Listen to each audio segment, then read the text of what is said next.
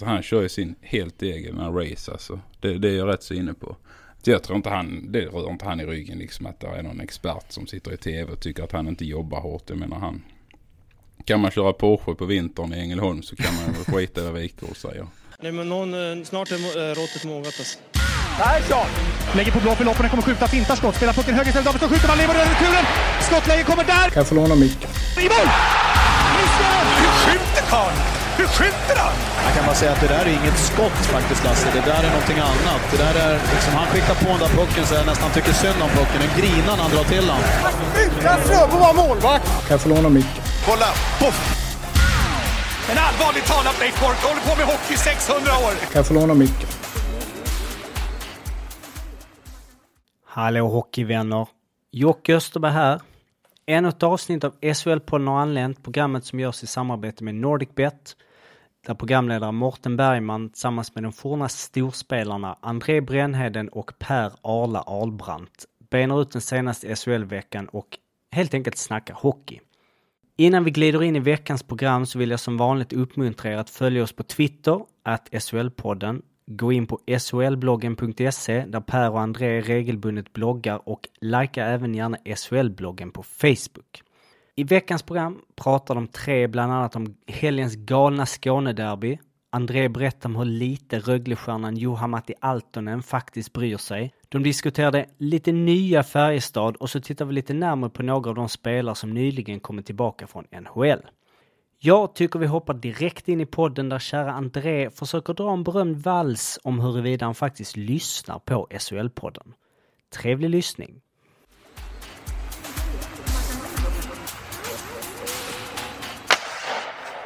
Lyssnade du på förra avsnittet André? Mm. Håller du med? Ja. Lyssnade du på förra avsnittet? Nej jag har inte hunnit. Nej, Jag skulle bara ljuga. Det gick inte så jävla bra. Nej. Han har ju nämligen, Jocke, du kan ju lyssna på det, men Jocke har ju klippt ihop i början Ja. Att så här, ja, Arla tycker så här om det här, och André, han håller med så han klippt ut alla gånger du säger 'jag håller med' I rad, vilket är så här typ 14 stycken Bra André. Tack Arla, jag håller med. Cardiff Devils, vad har vi på dem? Ja, vad har vi på dem? Jag har ingen aning egentligen. Men jag, Nej, mö- jag- jag mötte ju nej. Sheffield förra året och då, om de är i liknande klass så kan jag ju jämföra lite sådär. Sheffield Steelers Ja, precis. Jag är påläst på den här brittiska hockeyligan. Eh, va, vad skulle du säga att det är för klass på Sheffield Steelers? Uh, ja, allsvensk klass, mittenlag i allsvenskan. Ja, det är så pass ändå alltså. Ja, det tycker jag. Men de, de var ju liksom bäst i England. Men eh, absolut, det var inget brödgäng så. Vi vann, jag tror vi vann med 5-2 och 6-2 eller något sånt där. Och Cardiff Devils tvålar alltså dit Växjö med 5-1 i CHL igår. Vi vet att det här är en SHL-podd, men vi måste bara liksom eh, stöka av den här grejen då. Ja. Det är ju ett chockartat resultat. Ja det är det, absolut. Sen eh, Växjö hade vi, är ju redan klara för vidare avancemang och de vilar väl ett gäng spelare men ändå såklart så ska man inte åka dit och torska med 5-1 och VDn där gick ut på Twitter och skrev att det var den mest pinsamma förlusten han någonsin varit med om. Värre än 0-10 mot Jonstorp, så det, det, är, rätt, det är rätt starka ord. Skrev han så? Ja. Värre än 0-10 mot Jonstorp. Ja, kämpigt. Hur blir det så här då? Att man inte är påkopplad överhuvudtaget eller?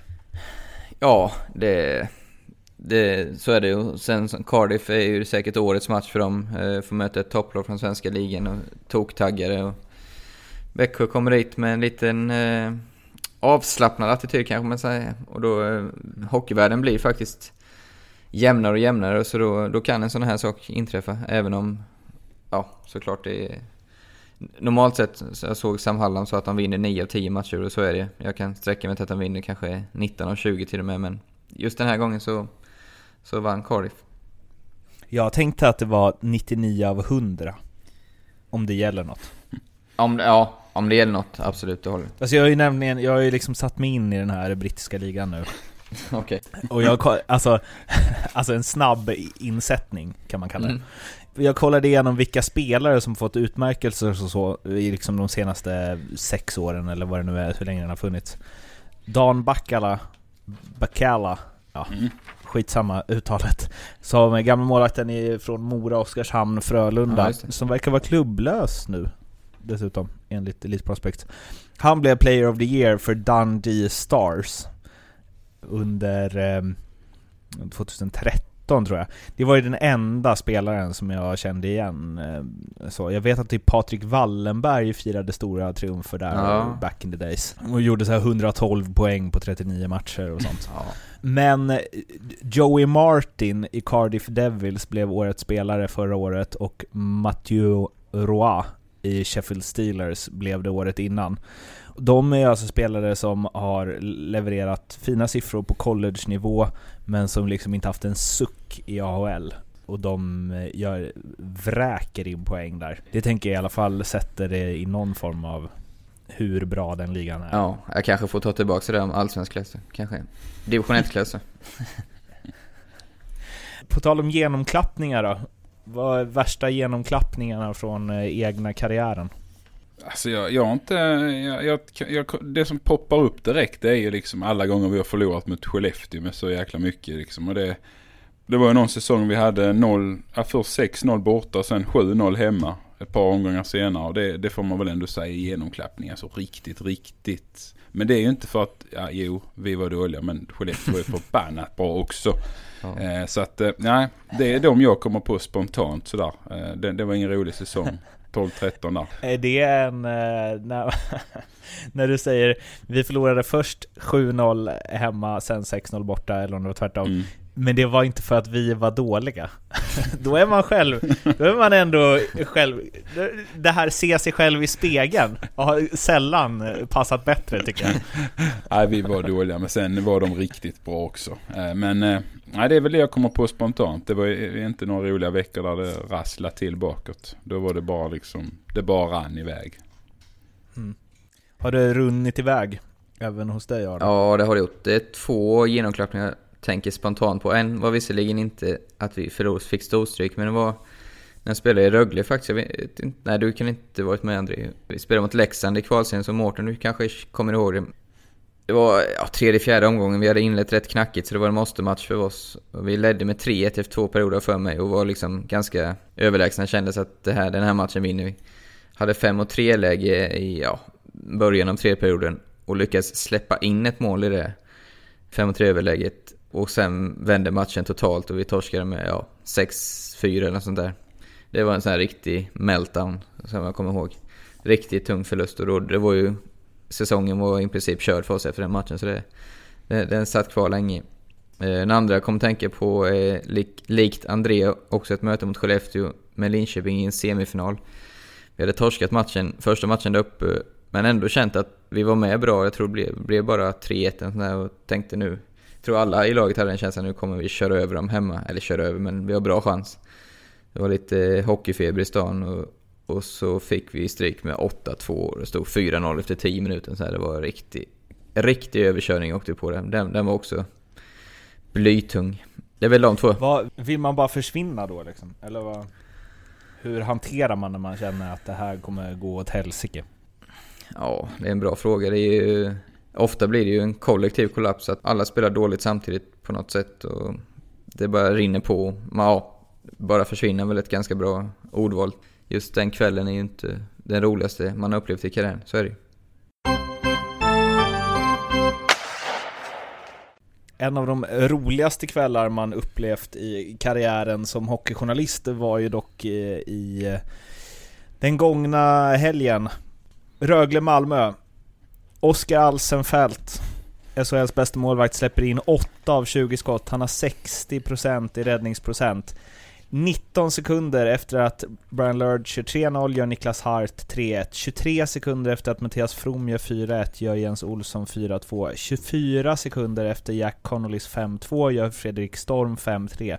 17 sekunder efter Robin Alvarez 5-4 gör Edvin Hedberg 6-4. 27 sekunder efter Andy Millis Eh, 6-5 gör Edvin Hedberg 7-5. Och sen gör Malmö två mål inom 1.10 och kvitterar till 7-7 innan Craig Shearer 30 sekunder in i förlängningen fixar bonuspoängen till Rögle. Shearer med det där skottet i mål! Mattias From spelar och det är tomt mål för Edvin Hedberg som skjuter 2-0! Och Så kommer Maltonen och spelar för Brian Norr som gör 3-0 Rögle! Innanför målet, här kommer ett skott i mål från Malmö! From med Kommer ett läge med backens skott i mål, Jens Olsson. Den ligger i mitten för Lörd som spelar för Connolly! Och det är 5-2! Prövar från liten vinkel och Storm! I mål! Det är 5-3! Fredrik Storm! Per Olsson, Olsson över på andra sidan. Här är ett läge för Sar. Så skjuter Kruse, klarar med returen i mål. Robin Alvarez. Det är 5-4.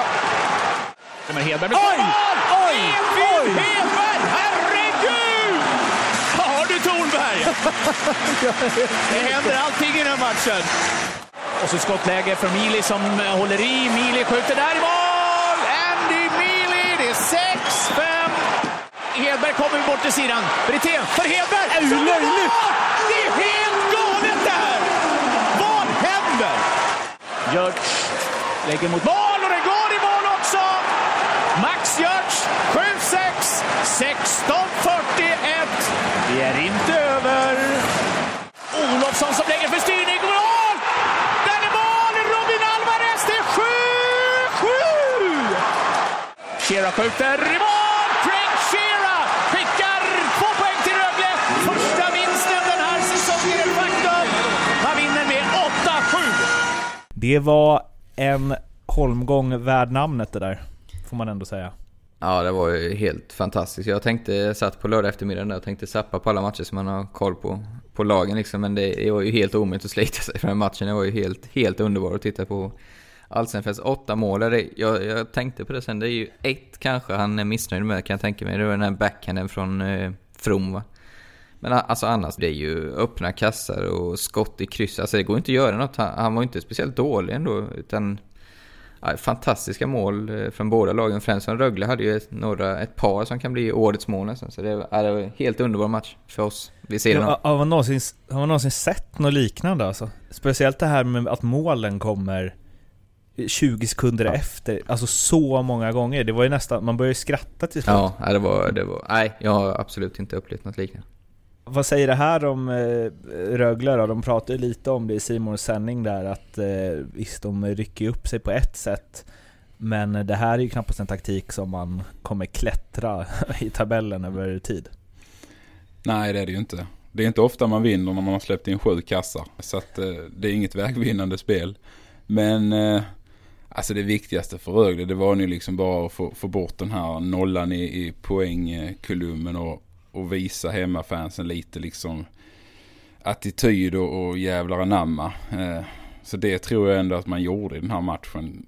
Att publiken var ändå ganska nöjd med det de såg liksom. Sen att man inte kan stänga vid 7-5 och ta hem 3 det, det är klart att det irriterar. Eller att man släpper in 7 och är ganska vidöppna i försvaret fortsatt. Det är också ett problem som ligger kvar. Men ja, man fick igång ett par målskyttar och man fick eh, göra något mål i powerplay. Och det är nog ändå ganska mycket positivt som man tar med sig.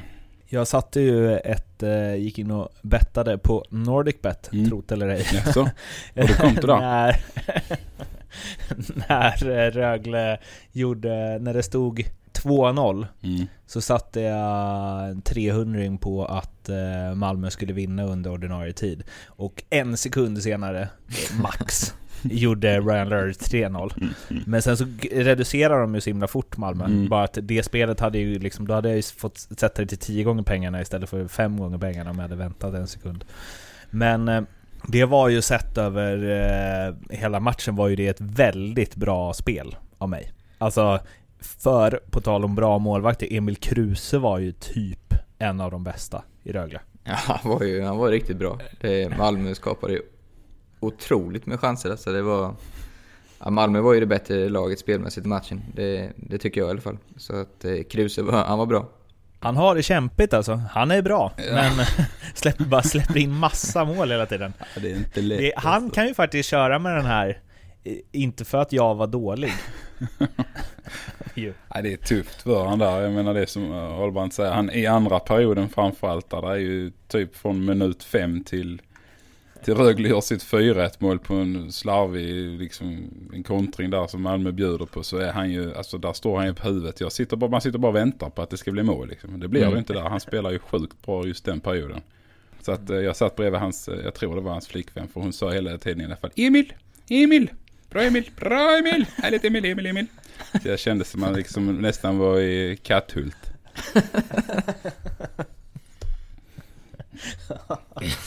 Det var, det var inget eh, förgrymmade unge liksom. Nej, det var det inte. Men hon var väldigt stöttande och verkar ganska insatt med. Och satt mycket och kollade Svehockey-statsen på eh, procenten, tänker jag där. Ja, Ja, men, tungt i så eh, fall. det var lite tungt. Men där var han ju faktiskt riktigt bra.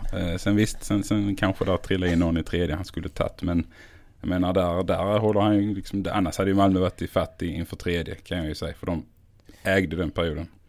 Men det var det att de bombade på Mm. som de gjorde och sen så eh, när Rögle gör 4-1 så känner man ju att det är Rögles match. Mm. Att det är liksom, det, nu ska de äntligen få ta den här segern. Men sen det målet han släpper in från Jens Olsson är en sån riktig så här. Eh, alltså han kanske inte ska ta den, men det, mot vad han har räddat tidigare så såg ju det lite löjligt ut. Ja, det var väl lite så det blev. Och sen blev det lite likadant i tredje. Eh, han gör ju sådana stå på huvudet-räddningar från och sedan kanske skulle ta den. Så att ja, det blev en viss osäkerhet där. Ja, det, var, det var en helt sjuk match. Fast jag, jag var ju någon sån här typ av expert eh, på, på Rögles koncept där med Rögle Live som de har nu. Jag satt ju liksom och jag skulle försöka analysera den här matchen. Det var ju, ja. Och då får jag ändå fram efter matchen att det var, jag var, tyckte Rögle hade bättre försvarsspel. Tänkte var fan kom den ifrån? Ja, i och för sig. Alltså, jag tyckte ändå de, de men skotten utifrån liksom fick Kruse fri sikt på. Det har jag inte sett riktigt tidigare. De var ändå lite mer resolut i egen zon. Ja, men sju insläppta. Det, är liksom, det går inte riktigt hand i hand, men det var kanske men sista en- chansen en- man fick ta. Du, här är du välkommen i alla fall. Ja, men tack, tack. Än så länge. Men eh, Emil Kruse, en grej som man brukar säga om fotbollsmålvakter är ju Mm. att en, eller man gillar ju målvakter som tar det de ska ta. Det är inte riktigt likadant i hockey eftersom det är så mycket skott, men det finns ju någonting där. Visst, ni behöver liksom inte ta de här sidledspassen som blir öppet mål i två mot noll situationer. Det är okej. Men ni ska ta det ni ska ta. Och Emil Kruse känns som en målvakt som inte riktigt är så. Han tar ju det han inte ska ta. Och sen så släpper han in det han ska ta ibland. Och det finns ju ett gäng sådana målvakter. Ja. Alltså det är ju en stil, typ. Ja, jag förstår. Att göra helt sjuka räddningar och sen släppa in fjös, liksom. Ja, jag förstår vad du menar. Jag, jag kan hålla med att det finns eh, en, en stil kan man nästan säga det, att göra så. Det, och det är väl inte något man älskar att spela med kanske. När man, för man vill ju ha den här trygga, lugna målvakten som man liksom, som du säger, de, de tar det de ska och sen ibland kan de blixtra till och göra en jätteräddning. Men, men eh, ja, jag föredrar ju den, den lugna och goa stilen. Jag funderar på vad det finns för målvakter som är mest så, tar det de inte ska. Men släpper in annat.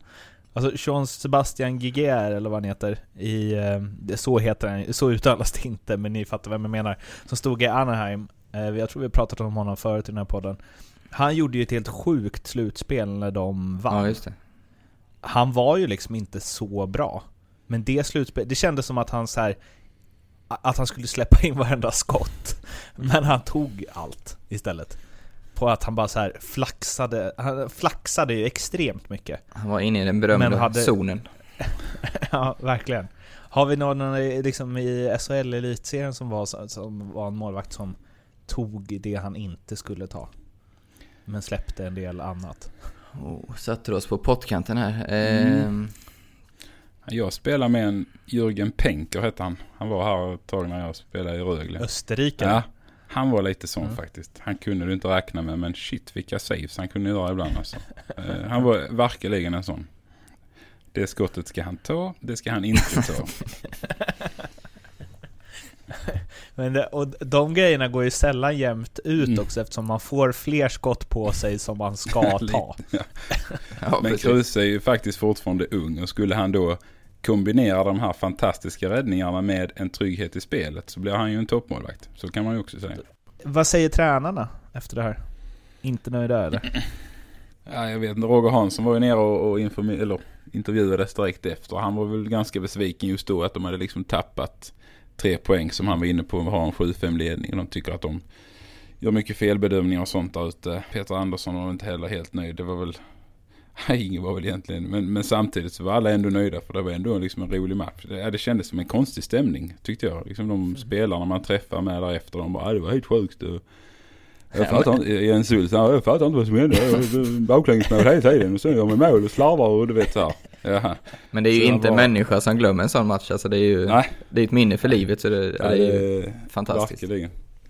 Det ska väl tilläggas också att det blev väl 7-6 i fjol. Mm. Den var ju också Gå bananas. på den eh. Skånederby om ni vill se mål helt enkelt. Det Precis. borde de köra hårt på inför nästa. Mm. En spelare som, eh, om han mötte sig själv i en en mot en match så känns det som att det hade kunnat bli ganska mycket mål. Johan Matti Altonen.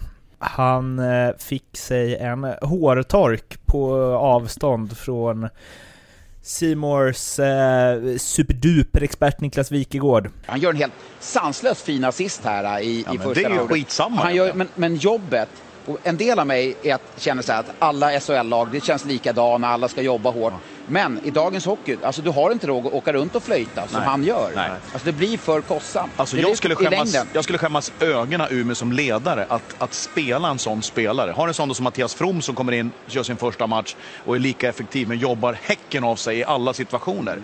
Jag menar, om, om Eldebrink ser, om- inte han, om inte ledarteamet i Rögle ser det här och bänkar den där spelaren eller Är det, säger till är, att- är det det de ska göra för en kille som, han har ju men- garanterat den tjockaste plånboken eller alltså Ja, men alltså, jag, jag, säger, jag, tar, jag tar tillbaka, han kommer inte bli bättre om de bänkar Han kommer bara bli tjurig, sätta sig i en Porsche och åka hem förmodligen. Men alltså Rögle har inte råd att ha den här spelaren. Det är, det är skämskudde för mig att spela den här typen av spelare i Rögle. Så pass dåligt är det tycker jag. Altonen själv ville föga överraskande inte kommentera det här efter matchen och inte ett par dagar senare heller medan Patrik Ross sa att eh, han gjorde två fantastiskt fina assister till mål idag. Han är en offensiv spjutspets men vi vill att alla ska bidra defensivt också. Alla kan mycket bättre. Jag tittar inte bara på Altonen, alla ska jobba. Fick frågan, kan du förstå kritiken mot Johan Matti Altonen? Nej, idag har vi tagit två poäng och vi vill suga på den karamellen. Sedan får vi fortsätta jobba på defensiven nästa vecka. Vi behöver bli tätare och resolutare. Det var en intervju med Kvällsposten. Det här, till att börja med då. Det som Wikegård visade upp. Alltså, när jag såg det, man har ju sett så här, och det är ju bara youtuba loss när typ så här Ovechkin är lite slapp i egen zon, kan man ju säga, i NHL, titt som tätt. Han håller inte riktigt sin gubbe och han åker och såsar med klubban och så vidare. Men det var ett par situationer där med Altonen där man förvisso säger ja, har han mjölksyra kanske eller så. Men när han vinner pucken, en lös puck i mittzon, men eh, typ Fredrik Händemark eller vem det var, som han bara tillåter åka om honom och hämta den. Alltså, han tar liksom inte ens skär. Och eh, ja, eh, nu, är det så, nu ser ju inte jag det där om inte Wikegård pointar ut det, men alltså det, det ser helt sjukt ut. Ja, vi har varit inne på det flera gånger här i podden känns som, trots att det bara är tredje avsnittet som jag, som jag är med. Men eh, ja, Rögle visste ju vad det, vad det var de fick när de köpte honom och de, han, han bör ju ligga på, på nästan en poäng per match eh, för att kanske kompensera de, de sakerna som han inte gör så att säga. Och, eh, ja, än så länge har han väl gjort, vad har han gjort André? 5-6 poäng eller något. Och visserligen inga, Mm. inga poänggivande för laget kanske sådär. De har bara tagit två poäng men som sagt, eh, Rögle visste ju mycket väl vad de fick och tyckte att det var, att det var värt att de behöver den offensiva kvaliteten han trots allt besitter med passningen till 3-0 målet. Det är ju inte många i SHL som gör. Så eh, ja, jag har egentligen inte så mycket att tillägga. Alla vet ju vad man får och inte får. Det var Björn Oldén som gick igång där i Simon-studion att det är någon spelare som har spelat fem VM, han har spelat OS. Men eh, när man ser det där, alltså eh, i laget, hur, alltså, hur mycket man än vet att han är värvad för sina offensiva kvaliteter så fan, bara liksom på en, när jag spelade typ fotboll liksom i så här Sankt Erikskuppen han blivit tokig om en eh, lagkamrat höll på sådär match ut och match in. När alla andra jobbar röven av sig. Hur bra han än var när han fick bollen. Jo, jag förstår att du blir tokig. Och det, det är säkert de som blir det i, i Rögle med. Men alltså det, det är ju lite så. Alltså vi, det har vi ju också varit inne tidigare på. Att när, när det liksom går hyfsat och poängen kommer, kommer från dessa spelarna. Så på något vis så blir acceptansnivån lite högre hos medspelarna. De kan acceptera det på en viss, till en viss grad liksom för att den här spelaren producerar framåt. Men visst är det tufft och det blåser kalla vindar så är det inte lika lätt att acceptera det. Och det är också ofta diskussionerna kom upp. Och nu, nu har det varit lite tufft i Rögle och nu gör han ju ändå två poäng här och snygg ass som Ahl inte inne på. Men när Wikegård plockar fram sådana här klipp så, så blir det ju ganska tydligt liksom vad, vad det är han inte är bra på, Johan Matti. Sen ser man klippet på tredje målet så ser man vad det är han är bra på. Och det är precis, Rögle vet precis vad de har värvat in. Så att, eh, sen kan man ju tycka att är det rätt karaktär i detta laget som är ett förmodat bottenlag? Ja, vet inte. Hade kanske passat, passat bättre att försöka få in en Granström, Granström typ eller något sånt där. Det är en riktig liksom grävling. Men nej, det, det är, jag tror ändå att laget accepterar det än så länge. För det som jag tycker är konstigt där i så här kampmomentet, att han inte gillar att forechecka, ja, det finns det väl fler som inte gör kanske. Men i det kampmomentet, där, är, där finns det något så här, han är ändå, alltså, han är uppenbarligen en duktig hockeyspelare och jag tänker att alla har någon form av så här fight, alltså att han vill ha pucken. Man skiter ju i det också. alltså, det ligger en fri puck och han är så en och en halv meter före Händemark. Han kan bara åka dit och ta den. Ja men då är, Men är, det en, skiter så, är det en det. sån grej, då är, då är det ju inte acceptabelt oavsett vad man heter. Alltså det, det måste du ju, som du säger, just gå in i en närkamp och sen om, om du inte backcheckar ihjäl det är väl en sak men om det är en sån, sån så som du beskriver då, då tror jag, då skulle jag också bli tokig även om jag visste hur bra han är. Och det tror jag hans lagkamrater blir också, om de liksom verkligen skiter i att ta en puck som ligger två meter framför en och ta kampen. Det, Har- har ni- det funkar inte. Har ni spelat med liknande spelare? Ja, du har väl spelat med honom, André? Mm. Ja, jag har spelat med honom och eh, det är väl ingen skillnad mot när han var förra gången faktiskt. Alltså producera framåt men la med jobbet. I övrigt andra spelare som, som kan jag faktiskt inte riktigt eh, komma på nu som jag har lirat med som, som han. Men alltså han, han är ju han är ju en oerhört speciell karaktär. Alltså han bryr sig inte ett skit om vad Wikegård har sagt i media nu eller vem. Alltså, nej det gör han inte helt seriöst. Alltså, han kör ju sin helt egen race alltså. Det, det är jag rätt så inne på. Jag tror inte han, det rör inte han i ryggen liksom att det är någon expert som sitter i tv och tycker att han inte jobbar hårt. Jag menar han. Kan man köra Porsche på vintern i Ängelholm så kan man väl skita i vad Wikegård säger. Har du lirat med någon eh, li- liknande sp- spelare eller karaktär? Nej, jag tror det är ytterst få eh, som, alltså har du den karaktären då, då kommer du inte upp i SHL som regel. Då ska du ju vara så sjukt talangfull som Johan Matti är. Liksom det, de, de blir ju bortsållade. Sen finns det ju såklart mer eller mindre, men eh, nej, någon sån extrem har han inte. Och jag menar, han, han var ju i Sochi-OS var det väl Finland, alltså han var ju typ Finlands bästa spelare. Och då, då var ju alla NHL-spelare, alltså han var ju så bra vissa matcher. Han gjorde ju något mål, han snurrade bort några ryssar alltså. Han har ju en sjuk kvalitet när han känner för det. Alltså du säger att han skiter i vad Wikegård eh, säger. Men vad alltså vad, om Ted Brithén går fram då och bara alltså fan Johan Matti, Mm. du får börja jobba lite, vi är trötta på det här nu. Mm. Spelar ingen roll att du gör en ass då och då, vi torskar ju ändå. För att du är slapp. Han skiter i det också eller? Det skulle jag tro ja. Faktiskt. Ja alltså han. Ja nej men det. det nu svartmålar man han här helt och hållet. Men nej men jag, jag tror inte han bryr sig jättemycket om det heller om jag ska vara helt ärlig. Sen tror jag kanske att det kanske ska vara någon annan som, som gör det i så fall. Som, eh, som är äldre än han eller som har ännu mer rutin än vad han har från, från landslag och NHL och sånt där. Då kanske han lyssnar lite. Men eh, jag tror inte att han lyssnar så mycket på om Ted kommer fram och säger någonting. Det skulle jag inte gissa på. Eh, Ha- Hade ni många goa snack du och han eller? jag och Johan Matti? Mm. Nej. Ibland sa vi hej till varandra när vi kom till hallen och sen ibland när han åkte. typ på den nivån. Sen var jag, jag, tror, jag tror ärligt talat också att jag var nog inte tillräckligt bra för att kvalificera in mig som kompis till han heller faktiskt. Utan han, det kändes lite som att eh, när han kom, vi, vi hade ju några liksom andra profiler som var lite bättre. Som hade bättre liksom CV än vad jag hade. Så att de umgicks han ju hellre med. Eh, men, men han sa ju hej och hej då så var aldrig otrevlig mot mig. Men det, vi pratade ju inte heller så att det var ju kanske inte så himla konstigt.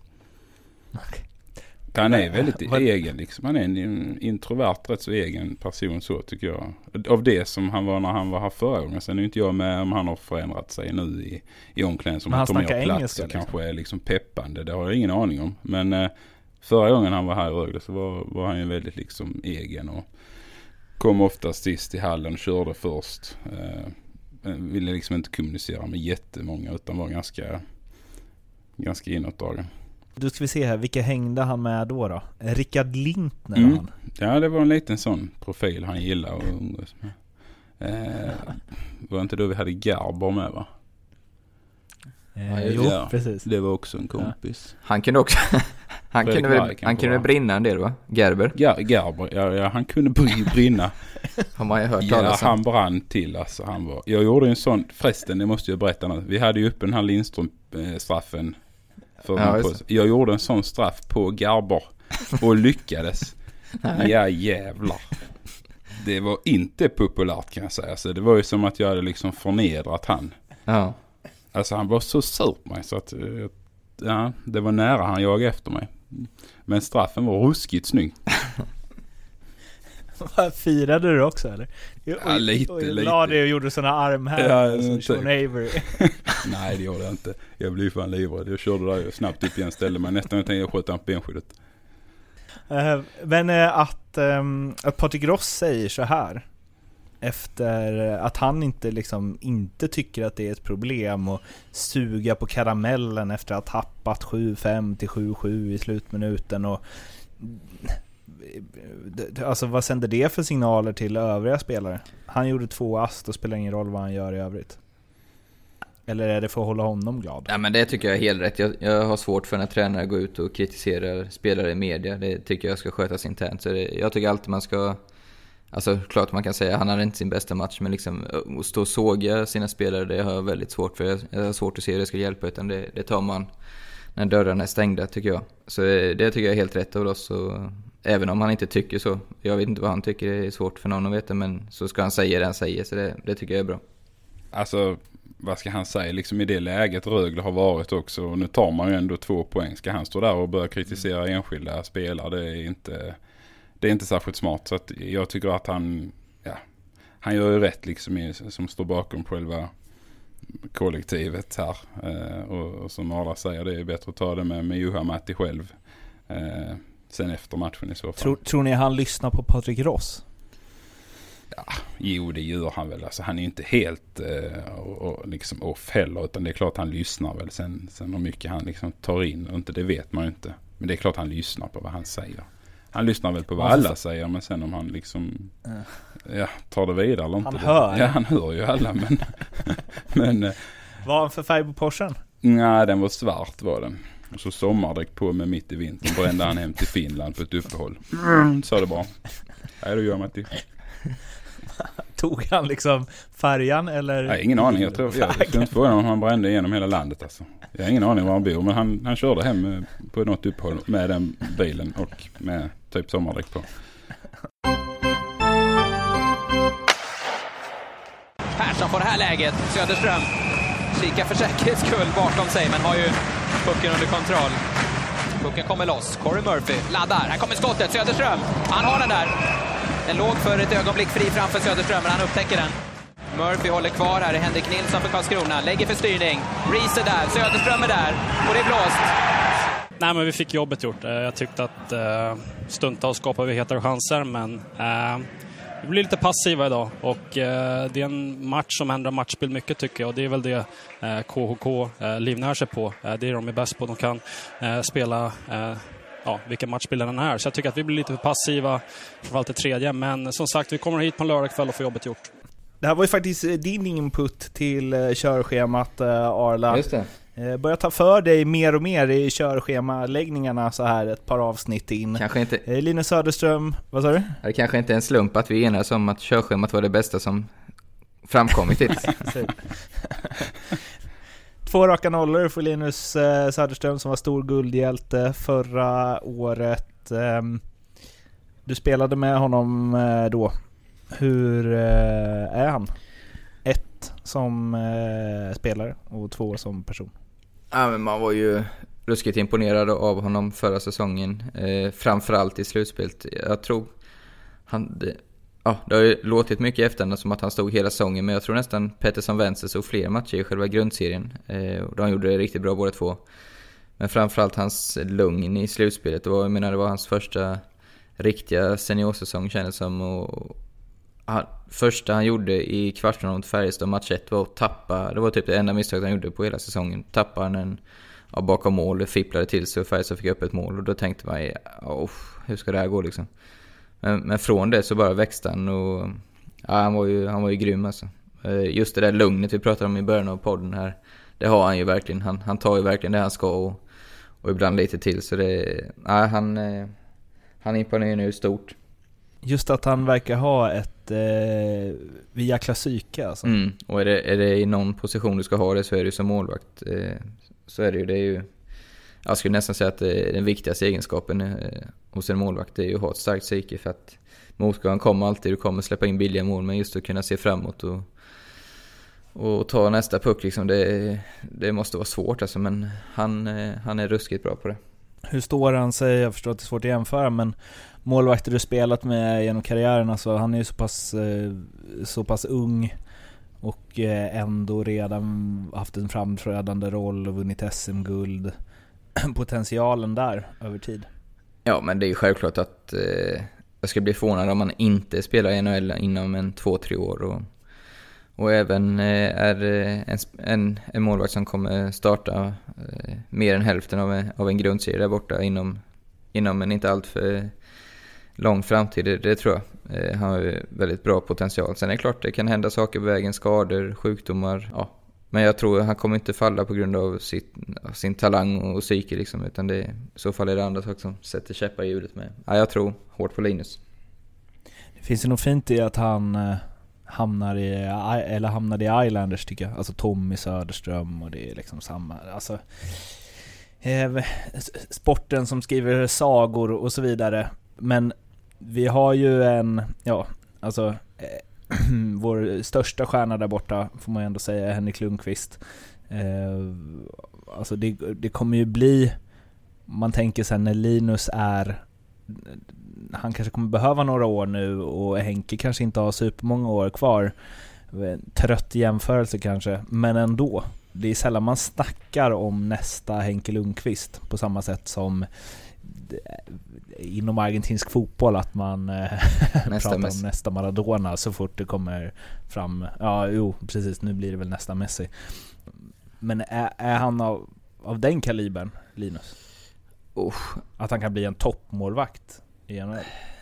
Ja, lite. Ja, jag vet inte. Man ska ju akta sig för de där jämförelserna. För jag menar, den karriären Henke Lundqvist har, den är ju helt fruktansvärd. Han har ju ett antal rekord. Eh, läste jag någonstans, det var ju hur många som helst. Så jag menar, ah, han är väl ett unikum Henke tycker jag. Men det är klart, skulle allt klaffa till 100-100% så, så kan han nog kan han säkert komma upp i den, i den högsta nivån, men det är ju det att Henke har ju hållit den i 10-15 år, så det är det som är så sjukt imponerande, tycker jag i alla fall. Så eh, det är, det är svårt att bli en, en Henke Lundqvist, men kan han bli i närheten så tror jag han är helt komfortabel med det också.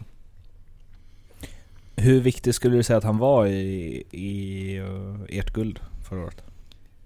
Nej men han var ju superviktig såklart. Det var... Ja, han var ju... Målvakten är ju alltid den enskilt viktigaste spelaren om, om ett lag vinner ett mästerskap. Eh, var, väl någon, var det inte någon final du som kan NHL så bra med Chicago och... Vilka var det för några år sedan som blev typ 6-5 i alla matcher? Eller det blev hur sjukt mycket mål. Men eh, frånsett sen det så brukar det ju vara en målvakt som spikar igen i, i alla slutspel som, som gör att laget vinner. Och, ja, nej, så, man, han var ju superviktig, så var det. Han har ju eh, snackat eh, öppet om eh, att han diagnostiserades med ADHD och Asperger vid sju års ålder och gjorde flera eh, väldigt bra intervjuer om det förra säsongen, tror jag det var, eller om det var förrförra.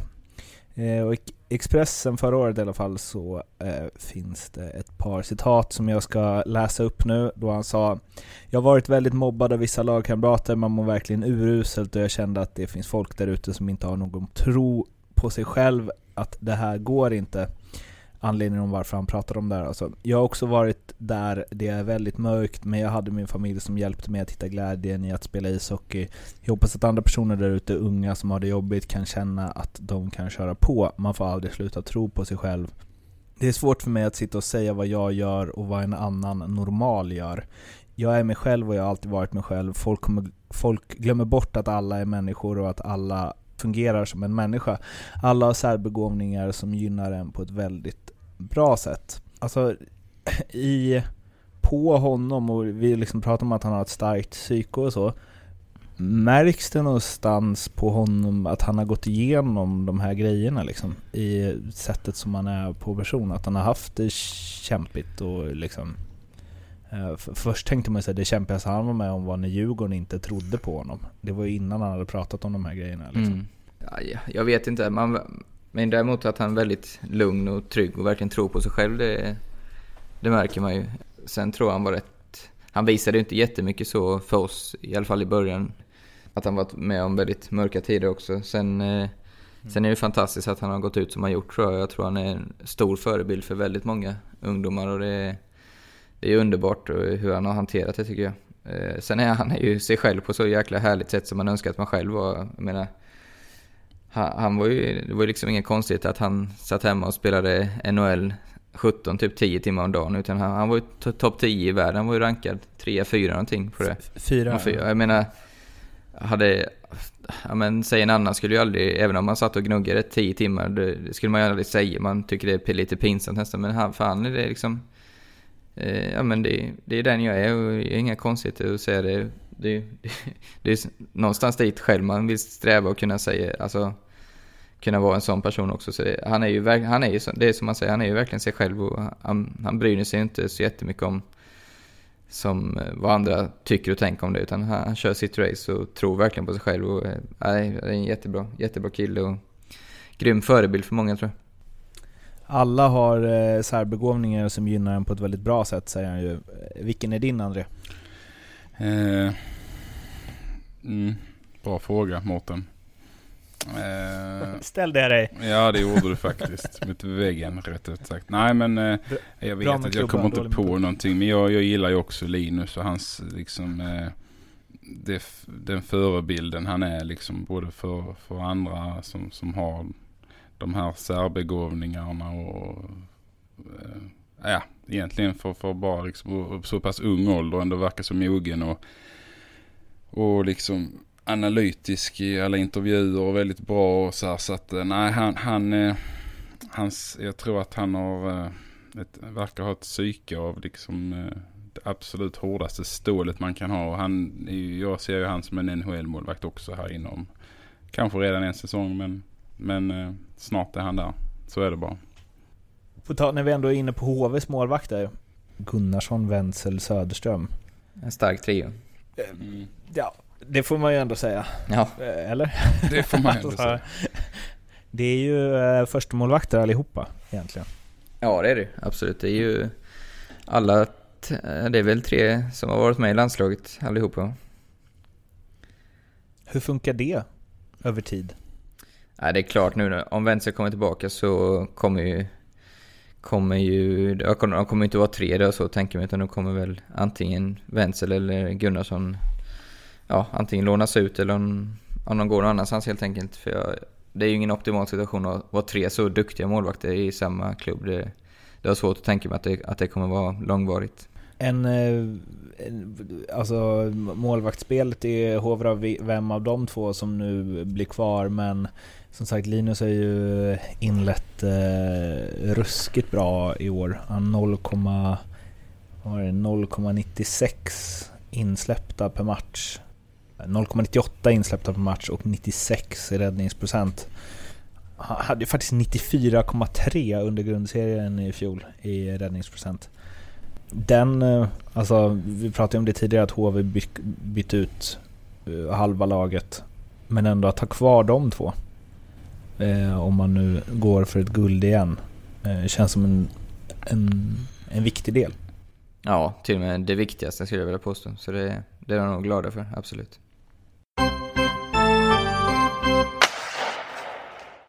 Så starvar man Johansson till Asplund. Och då är det väl ändå avgjort när Färjestad gör 5-2. Så det är Axelsson och då är det kvitterat. Dick Axelsson 1-1. Ryno för Lindqvist. Här kommer Wikstrand. Har Ryno spelbar? Väljer det alternativet och så är det Lindqvist som eh, gör 2-1. Så är det Sebastian Eriksson istället som eh, gör 4-1 Färjestad. Vi har, vi har ett bra lag och vi är starka. Och det, det har varit många matcher där det har liksom stått och vägt och då har vi lyckats eh, ta segern. Så att det, det visar på styrka. Fem raka segrar, alltså bästa säsongsinledningen på 23 år. Och eh, Geron Dahlgren, nya assisterande tränaren i Färjestad, sa så här Eh, efter senaste matchen att det är bra gjort, hockey går ut på att vinna, det är grymt viktigt att få en sån här start på säsongen. Särskilt med tanke på hur det ser ut i föreningen nu med mycket förändringar i både organisation och spel. Och eh, till att börja med så var ni väl eh, båda ganska tveksamma till var Färjestad stod inför den här säsongen och att det inte skulle vara ett topplag och så vidare. Överraskade? Absolut. Eh, och imponerade. Jag, eh, framförallt eh, spelglädjen tycker jag, som jag skrev i någon blogginlägg tror jag det. Jag tycker det ser ut att vara ett gäng som har riktigt kul tillsammans och de kör det är full fart hela tiden på att säga. De har mycket skickliga spelare. De har, nyförvärven har varit lyckoträffar. Lindqvist leder poängligan just nu när vi spelar in det här. Och det, är, ja, det är medvind i Karlstad just nu, absolut. Sen har det bara gått fem matcher och det kommer komma motgångar såklart. Men de har ändå visat att de är så pass bra att, eh, att de, kommer nog, de kommer nog vara ett topp 6-lag. Det, det tror jag faktiskt. Vad är det som de har varit så bra på hittills? Det offensiva spelet tycker jag de har utvecklat väldigt mycket. De gör, skapar mycket chanser, gör, gör mycket mål. Jag vet inte om det är nya tränarens förtjänst eller om det är spelare. De har fått in många skickliga spelare. Men ja, det är väl framförallt det jag tycker eh, ser riktigt bra ut. De har ju också, som Geron är inne på här, väldigt mycket nytt. Ehm, känns väl kanske lite sällan som det sätter sig så fort. Men just i Färjestad som har kanske fastnat lite, eller fått kritik för det i alla fall, fastnat lite i, haft svårt att få in folk utifrån i organisationen och så vidare. Verkar ju i alla fall bara några, det har bara gått några omgångar, men verkar ju vara det som, de, de har liksom fått en Ja, en omvänd effekt nu när de bytte ut eh, allting. Eh, att den här tryggheten försvann, eller vad man nu ska kalla det, kanske var bra. André? Ja, men det tror jag. Alltså jag tror de kan ha mått bra av det här liksom att eh, inför säsongen att de var lite försiktiga med, med att de tona ner förväntningarna lite på sig själva på något vis genom att då istället trycka på det här med alla omorganisationer och, och ny typ av spelarsystem och ja, allt det där som, som de sa inför. Och det har väl kanske gjort att de har liksom fått lite mer lugn och ro i, i laget. Och eh, men menar att många bra hockeyspelare har de. Och som Albrandt säger så har de ju prickat rätt med nyförvärven. Och, eh, ja, och då är de ett, ett bra lag. Så att eh, jag tror de kan ha haft nytta av det här med att de har varit lite försiktiga och pratat mycket om, om omorganisering istället. Så att, eh, nej, jag är också imponerad av, av Färjestad. De spelar ju väldigt fartfylld och fin hockey just nu. Så vi får se hur länge det håller i sig. Om de är topp 6-lag eller inte. Eller om de... Nej, just nu så pekar jag mycket på det. Lyckades de med det här snacket lura även er eller? Alltså är de bättre än vad, än vad... Alltså om man tittar på truppen, är den bättre än vad folk har trott om dem? Alltså jag var, ju, jag var ju lite liksom inför säsongen var man ju lite tveksam till om, om, om Dick Axelsson skulle hålla den nivån som han har hållit. Man var lite tveksam till om Linkvist skulle gå in och vara ja, han var ju bra i AIK men hur ska han klara liksom omställningen till SHL och man hade även vissa frågetecken på backsidan om Virtanen och målvaktssidan och än så länge har liksom alla överträffat de förväntningarna jag hade i alla fall och det Ja, de, de har väl kanske lurat mig lite på något vis känns det som. Eh, De har helt enkelt presterat bättre än vad jag hade förväntat mig. För att citera dig André, jag håller med. Mm. Ja, De, de har ju... Eh, de har väldigt många spelare med väldigt mycket speed. Mm. Känns som. Martin Johansson och Joakim Nygård och Rasmus Asplund är väl också ganska snabb. Mm. Ja men Färjestad har ju alltid varit ruskigt stabila och varit lite mer defensivt inriktade tycker jag. Lite ställt upp i misszon. Eh, och det är helt, an- som du säger, det är helt annan speed i år tycker jag. Eh, och de har ju de spelarna för också som du nämnde så att, eh, men det är kul tycker jag att de har börjat utnyttja det. Det- De pratade om det förra säsongen, att de skulle bli ett sånt lag, men jag tycker inte riktigt de tog steget fullt ut. Men än så länge i år så, så har de verkligen gjort det och det är bara att hoppas att de fortsätter. Och även om de börjar förlora lite matcher, att man då inte går tillbaka till det trygga man, man är van vid i Karlstad, utan att man har bestämt sig att nu, nu är det här, det här sättet vi spelar på. Det, det, det tror jag.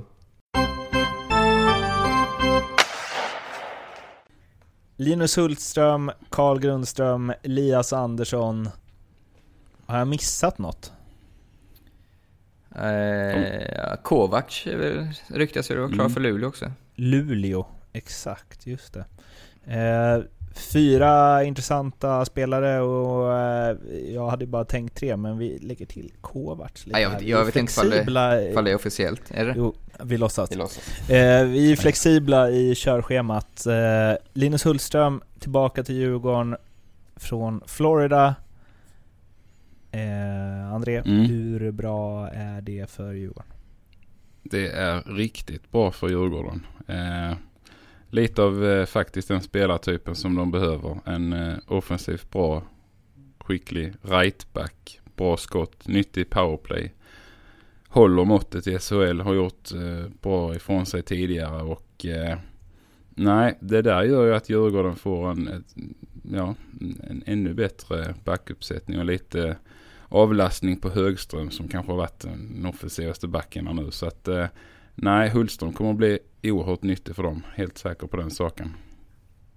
Det kändes verkligen som att det var spelartypen de saknade på backplats. Ja, men det tycker jag. Det är lite att det var. Eh, nu får de in liksom eh, en offensiv spets till. Eh, och dessutom ett bra skott och som jag sa där rightback som kan utnyttjas tillsammans med Högström om det skulle vara så mycket i powerplay och så vidare. Så att nej, det där eh, Djurgården har ju börjat eh, intressant också. Det här gör ju inte deras trupp liksom sämre. Så att eh, nej, det är en liten varningsflagga för, för Djurgården också. Men skottet måste jag inflika, Linus. Jag har spelat eh, lite med honom eh, en del ol- an- eller, eh, olika idrotter. Hockey skjuter han som en häst. Innebandy är det helt fruktansvärt vad han skjuter också. Vi, man spelade ju det en gång i veckan. Det var ju höjdpunkten på sommarträningen. Och alltså, han, han kunde ju hänga dem från, från mittlinjen liksom. Det var ju riktigt farlig målchans när han... Eh, han har sån jäkla teknik. Och sen kom han och började spela golf, vet du. Eh, gå- från nybörjare till, jag tror han var nere på 2-3 i handikapp på, på, eh, jag tror det var en sommar. Och han slår något så fruktansvärt där också. Ja, han är inte speciellt stor, men han, han har ju den här tajmingen och tekniken i, i alla de här tre sporterna. Så, alltså, det är löjligt vad, vad hårt han eh, skjuter och slår i golf och skjuter i hockey innebandy. Det, det är jag avundsjuk på. V- vad- vem stod när han kunde sätta den från halva plan i innebandy? Nej, det var ju SSL-målvakter från Linköping som ville låna in. Stod ju helt handfallna. Nej, det var väl lite olika, men, men eh, ja, han skjuter ruskigt, det kan jag säga. Ja, ehm, han fick eh, höra från Floridas klubbledning, jag vet inte hur mycket innebandy de lirar där borta, uppenbarligen inte så mycket. Men att det inte är en miljö som passar dig, sa de. Berättade han i en intervju när han kom tillbaka nu. Mm. Ja, det känns väl... Så många frågetecken kring den grejen. Mm. Varför plock... De har redan varit där en gång. Mm. Så plockar de tillbaka honom en gång till. Och är det någonting, någon miljö som borde passa en back av hans snitt är väl det NHL. Ja, man kan Jag tycka det. Men, ja. de har väl kanske en eh, poäng i det eh, på något vis. Jag vet inte, nu är det andra vändan han är där och vad heter det, han, eh, han kanske inte är liksom en NHL-back. Han kanske saknar en viss del i det fysiska och defensiva spelet som ändå krävs där borta på små ytor. Kanske inte tillräckligt tuff. Jag vet inte, det är mer de liksom, egenskaperna jag kan se som gör att han inte skulle passa in där. Han kanske ska hålla sig i Europa. Jag kan tänka mig han i KHL också. Där borde han kunna eh, göra bra ifrån sig. Så han kanske inte ska åka på det hållet. Helt enkelt. Sen var det väl lite att eh, det var inte den klubbledningen som hade värvat honom som var där nu. Så det kanske var lite så de menade att vi, vi Mm. ser ingen framtid för dig här.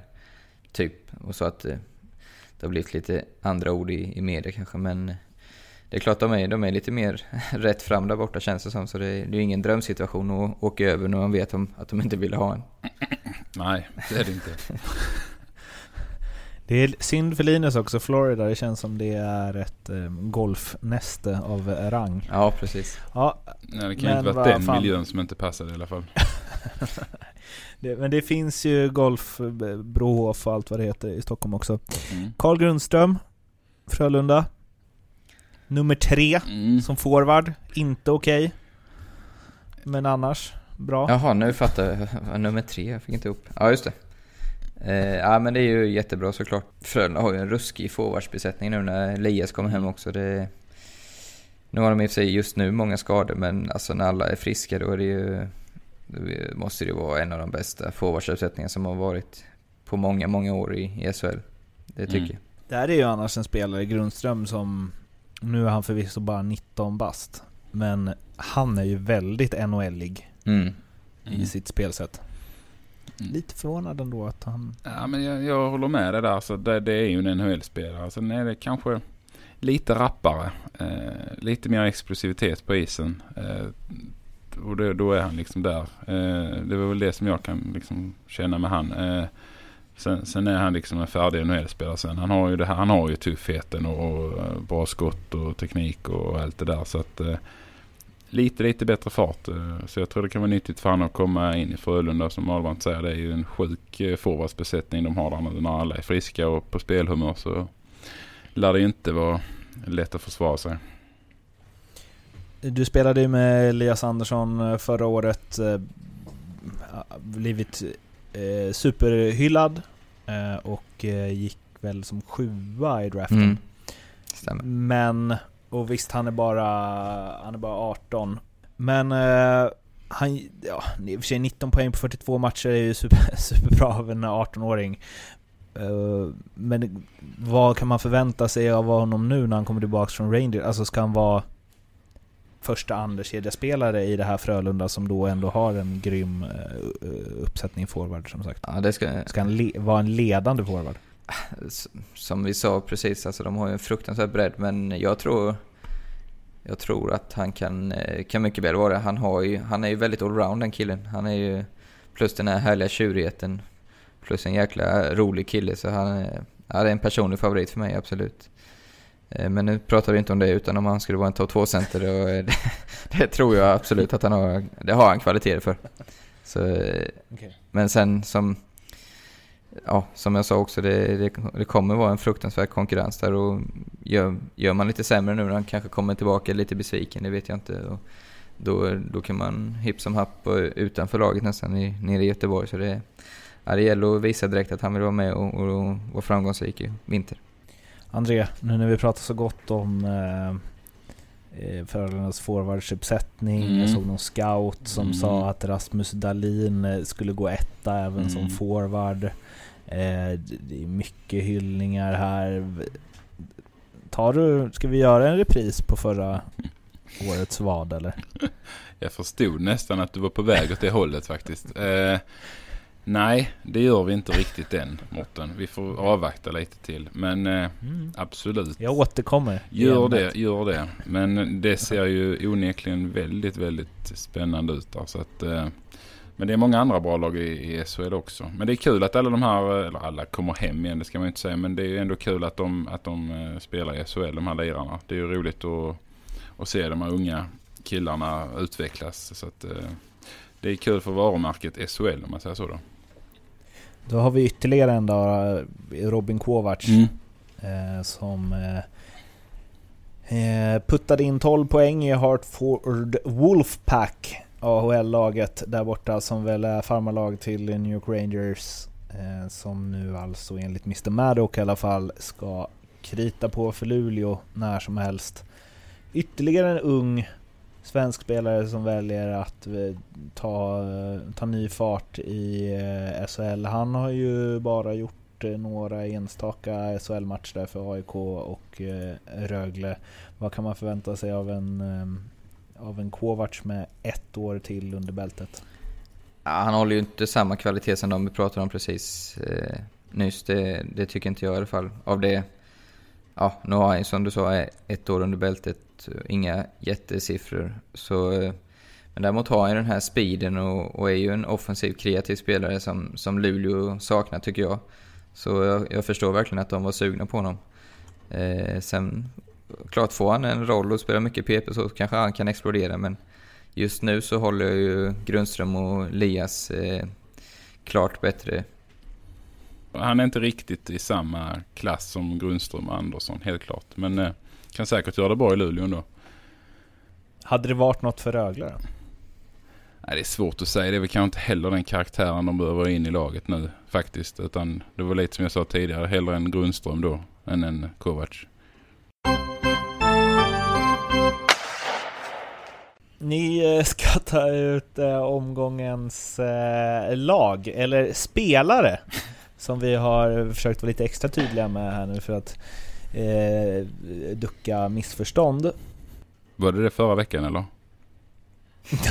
Vadå? Missförstånd? missförstånd? Nej, inte vad jag... Nej. Vems tur är det? Jag kör, jag kör. ja. eh, målvakt pratar vi om kille som kom tillbaka och kanske inte varit jättelyckad inför eh, veckans matcher men i Skellefteå så steppade ju Viktor Fast upp ordentligt och var ju eh, magisk alltså. Han var, tog han tog det han skulle och lite till, som vi brukar säga höll ju nollan där, de vann med 1-0. Rosén hängde den. Eh, så att han får bli den omgångens målvakt. Backar tar jag Djurgården som vi nämnde. Marcus Högström tycker jag har varit ruskigt bra så här långt. Djurgården slog ju Brynäs borta där. Han gjorde ett mål bland annat. Men eh, overall i sitt spel tycker jag han eh, är riktigt bra. Han har absolut tagit ett kliv till. Min andra back blir eh, en Karlskrona som hemmaslog eh, Linköping med 4-2. Det blir den 39-årige Cody Murphy som hängde dit 1-0 på ett gammalt klassiskt slagg upp i krysset. Det, de är aldrig fula. Jag tycker han har tillfört lite kreativitet i, där bak i Karlskrona som har saknat och har ganska eh, så enkla men eh, bra lösningar. Första pass och så det, jag tycker det är en av anledningarna till att Karlskrona har gått mycket bättre och spelat mycket bättre hockey. Det är att de, de får upp pucken till forward i fart. Eh. Så han blir det på andra backen. Forwards måste jag ta Linkvist igen som jag tog förra gången. Han gjorde två mål när Färjestad slog Mora 4-1 eh, i söndagens match men hörde till den här omgången så jag fuskade lite och tog med den. Sen tar vi också från Djurgården. Det är lite på förhand eh, tveksamma nyförvärvet. René Bork har ju rätat ut det där frågetecknet till ett utropstecken än så länge och gjort, han har gjort fyra baljor va? Och gjorde ju bland annat 1-0 målet där borta mot Brynäs på... Eh, han är ju en jäkla målskytt alltså. Han syns ju inte supermycket men han skapar mycket chanser och är där. Det, det är imponerande.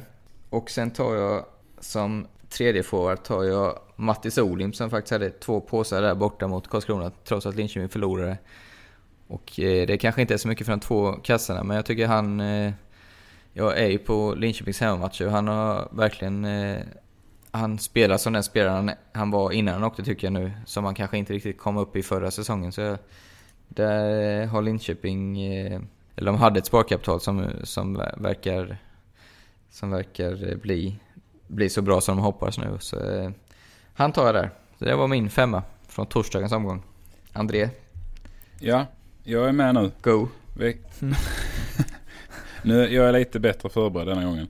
Jag, jag kör... Eh, jag, tar, jag tar ju Söderström som eh, inte helt oväntat då lördagens eh, målvakt.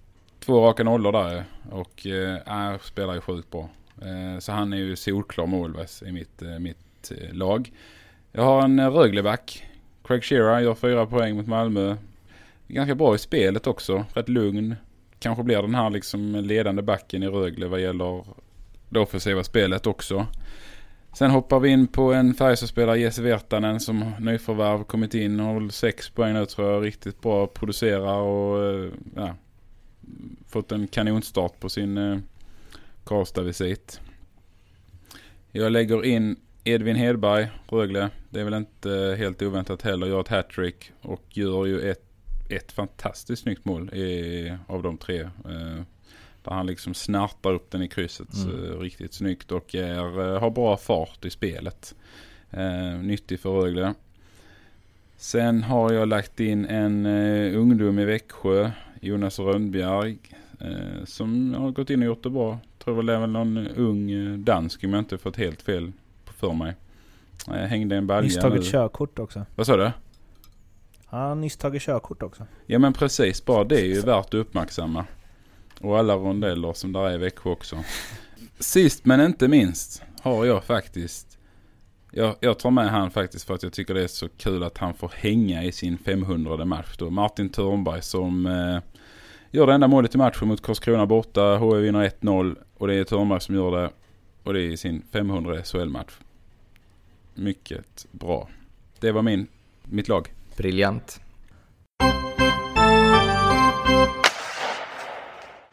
Vi ska också börja involvera lite mer betting i det här. Mm. Eh, Då Andrea och Arla kommer ju då ge eh, tips på hur ni inte ska spela. Eh, Som ni märkt hittills. Vi får se hur det, exakt hur det kommer gestalta sig. Men, Men får, får jag säga två det- stenklara imorgon? Som jag kommer lira i alla fall. Mm. Ja, Ja, två ettor. Vi beger oss till eh, mitt kära Brynäs som jag har jagat. Äntligen fick jag betalt för dem i lördags. Som har Karlskrona hemma. De, de bara vinner. Och sen är det dags för Färjestads första torsk när de möter Malmö borta. Malmö är ruggigt hemmastarkare och fick, fick ju bra odds där när jag kollade. Så eh, Malmö-Brynäs, dubbel.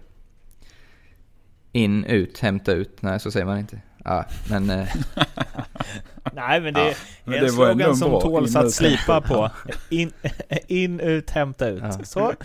Vi avslutar med de kloka orden från eh, Per Ahlbrandt och sen så hörs vi med er om en vecka igen. Tills dess, ha det fint. Då! Hej då! Hej då!